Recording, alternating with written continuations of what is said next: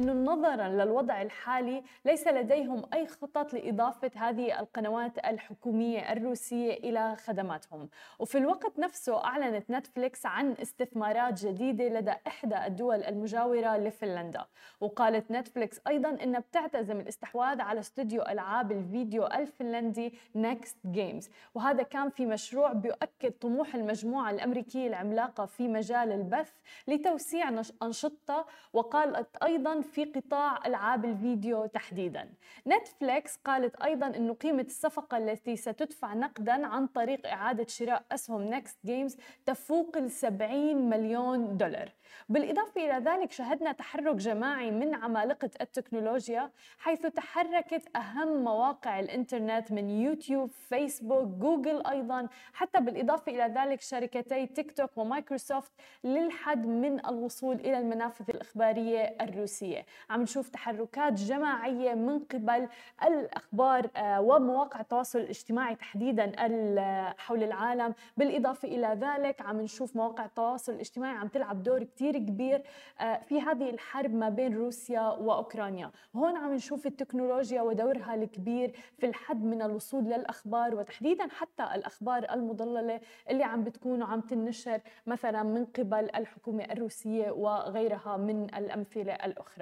خلونا ننتقل لثاني خبر معنا لليوم هو خبر كبير آه، تم الإعلان عنه أعلن الملياردير الروسي رومان أبراهيموفيتش عن نيته لبيع نادي تشيلسي لكرة القدم اللي بيملكه منذ عام 2003 هذه قد تكون أكبر قصة حتى الآن للضغط الغربي على الأباطرة الروس للتخلي عن ممتلكاتهم. وأعلن أيضا إبراهيموفيتش على أنه المبلغ وبيع النادي سيذهب لمنفعة كل ضحايا الحرب في أوكرانيا. طبعا قال إنه عم بيطالب تقريبا ب 2.5 مليار دولار للنادي على أقل تقدير مما عم بيسبب ضغط على الأباطرة الروس. طبعا لنعرف من هم الأباطرة الروس اولا هي في السنوات اللي مضت واللي تلت سقوط الاتحاد السوفيتي في عام 1991 بدأت روسيا في تخصيص العديد من الأصول اللي كانت تملكها الحكومة في أيام الشيوعية.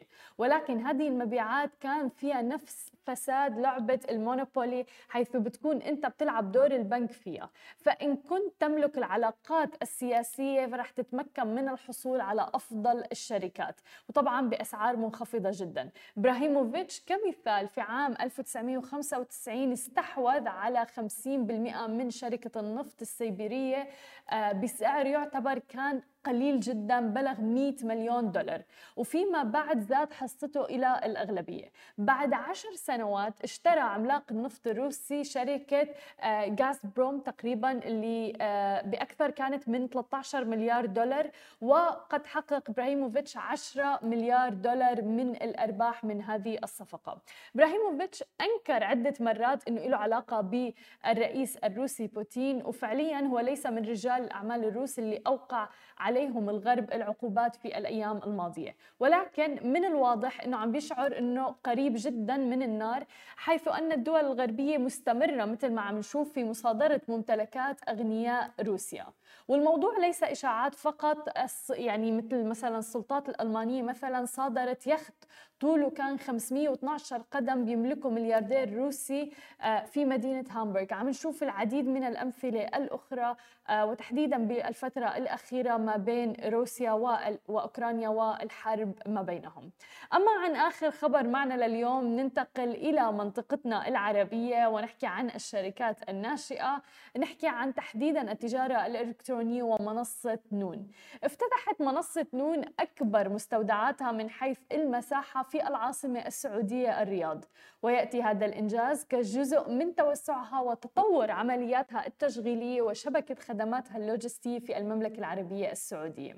ويسهم المستودع الجديد والبالغ مساحته أكثر من 45 ألف متر مربع في تطوير وتسريع عمليات توصيل المنتجات إلى ملايين العملاء في جميع أنحاء المملكة. بتبلغ شبكة نون للخدمات اللوجستية والتخزين في المملكة أكثر من 270 ألف متر مربع. بتتضمنها مستودعات التخزين وأيضا محطات التوزيع والمراكز اللوجستية الرئيسية والفرعية. ويؤكد هذا التوسع على التزام نون بتعزيز الاقتصاد المحلي من خلال خلق فرص عمل جديدة. بالإضافة أيضا رح يكون في مساهمة في تحقيق أهداف رؤية 2030 للتحول الرقمي في المملكة. طبعا كل هذا من خلال تطوير بنية تحتية رقمية ذات معايير عالمية وتقديم خدمات متقدمة لشركائها البائعين وضمان توصيل سهل وسلس أيضا. هذه كانت كل أخبارنا الصباحية لليوم. بعد البريك وبعد الفاصل مقابلتنا مع مروان أبو زيد مستشار حلول عالمي في فيناسترا خليكم معنا ولا تروحوا لبعيد.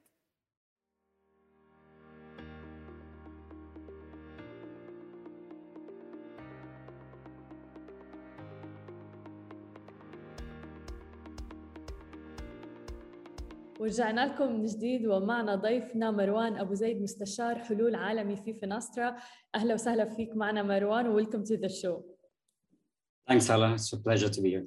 Thank you for being with us uh, through Zoom, virtual. And uh, we would like to know more about the company, the services you guys provide in Finastra. Yeah, sure. So Finastra is uh, one of the leading technology firms specialized in the financial industry. Uh, so we deliver solutions across the different lines of business, whether it's retail banking, corporate banking, treasury, risk management, and payments. Uh, we've been around in, for over 30 years. We've been in the region for over 20 years. So we're very much present. We look after a lot of our client base here. And we try to also uh, innovate and make sure that we're providing innovative solutions. Um, so one of the things we've been doing in the past is making sure that the open technologies and the open ecosystem is very much supported. And by that, we mean that uh, we understand that technology and innovation is majority of the time outside of the space of financial institutions. So we want to make sure that these banks, these financial institutions are able to tap into, you know, the fintechs and the capabilities that they deliver and making sure that anything that is innovative in that space is, is easily adopted by the traditional financial institutions. And that's where a lot of the work that Finastra is doing is taking place at the moment. We've built a, a platform called fusionfabric.cloud, which essentially allows you as a financial institution to look into the marketplace, access the fintechs and the solutions they provide, and easily integrate it within the existing, existing ecosystem of technologies that they have today. That's interesting. Any challenges you guys faced, especially and it's a traditional banking and you're moving everything into digital? Well, look, Hala, I mean, uh, banks today have realized that digital transformation in general needs to take place. I think with what happened over the last two years with COVID, uh, there's become a real genuine need to digitally transform, move away from the traditional model of offering your services through a branch network to really focusing on things like the mobile application, the online presence, and providing these capabilities in a much more uh, digital manner. Uh, each bank is different in the pace they go through to digitally transform. But I think especially in this region, we're seeing a lot of traction with banks realizing that if they want to continue to exist, they want to compete with the new challenger banks and neo banks that are popping up very quickly these days. They have to digitally transform and they have to access new technologies to be able to do that. 100%. And you guys rely also on data to know the trends, the analysis, and everything happening around. Anything you can share with us about the latest trends in terms of like payments, and especially people are moving more towards the cashless? Yeah, so exactly like you said. So cashless technologies are, are very evident these days um, the payments ecosystem is one of the key focus areas in today's financial institutions. Everyone is looking at how to streamline payments much more securely, much more efficiently. The faster payment networks, the alternative payment ne networks are being adopted by banks today. Uh, so that's very important. And obviously, the cryptocurrency space is, is, is something that's picking up a lot. I mean, uh, right now, we're seeing a lot of uh, these new challenger banks looking at ways to adopt cryptocurrencies within their ecosystem. Um, of course, each country has different regulations and jurisdictions around whether you can and and and what you can do around the cryptocurrency space but it's definitely something that's gaining traction. Crypto is is a very popular topic these days. Very, and very it's moving away absolutely it's moving away from you know the high net worth investors the institutional investors and it's trickling down into the retail market so individuals like you and me are now more and more thinking of making investments in the crypto space. I mean, if you look at Bitcoin as an example, today there's like over uh, 350 million users of Bitcoin, as opposed to seven years ago, there was only like 3 million Bitcoin yeah. users. So everyone is joining the hype. Everyone wants to make the investment. Everyone believes that they can generate a bit more wealth uh, through crypto trading. But the challenge is it's moving away from the traditional financial institutions. So everyone is withdrawing their funds from the traditional deposits they're making in, in, in the regular banks and going to those external platforms to make those crypto investments and crypto trades. Um, so what we're seeing in banks today is they're looking at ways to encapsulate that as part of their ecosystem. Mm. And, and Finastra is very much helping in making sure that that is possible by linking fintechs who are providing these services with the traditional financial institutions and the capabilities they can deliver in the digital space.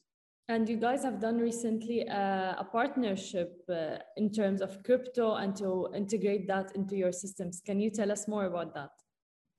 Yeah, sure. So Liquid is a uh, is an organization that has established in Singapore uh, a few years back and in December, we've uh, did a strategic partnership with them to integrate their capabilities as part of our Fusion Fabric Cloud platform and to allow these challenger banks as well as the traditional banks to integrate that as part of their digital ecosystem.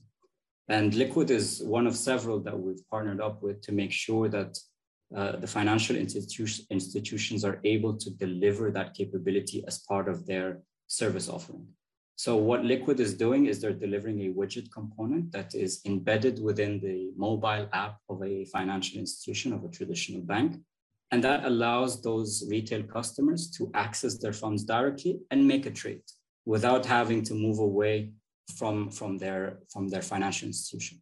And I think that's uh, it's a very important step within the financial industry ecosystem because the, the, the security and the trust that these traditional financial institutions really help the, the retail investors who are not really sure of what they're doing to gain the support of the of the financial institution, but also gain some of the technologies that Liquid, for example, provide in advisory services to recommend certain crypto trades or to recommend certain cryptocurrencies to invest in. So everything happens within one platform, everything happens in one location, and those capabilities are really helping banks build their popularity within the younger generation, if you will. 100% and the more uh, it's regulated the more we see institutions like that and even partnerships like this um, it makes those companies feel more secure about dealing with cryptocurrencies and integrating it into their systems therefore also the customers will feel the same uh, because it can be a bit tricky uh, at this point um, but uh, can you tell us more in how many countries you guys are providing your services? Uh, we we operate in in all all continents, so we are in over 150 countries. Um, in the Middle East, we have probably presence in the majority of the GCC countries, uh, North Africa countries as well, and we also operate in the Sub-Saharan region. Um, so we're we're quite diverse and we're quite uh, large in terms of our network reach. Uh, and the fintech partnerships as well that we have is really giving us access to much more locations where we can bring up these solutions and help in providing you know unique solutions in the market where otherwise we were unable to reach.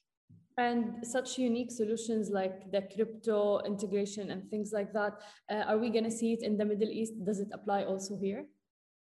Absolutely yeah. So we are currently in several talks with potential financial institutions that are looking at the likes of Liquid and other crypto trading platforms to embed those uh, into their ecosystem.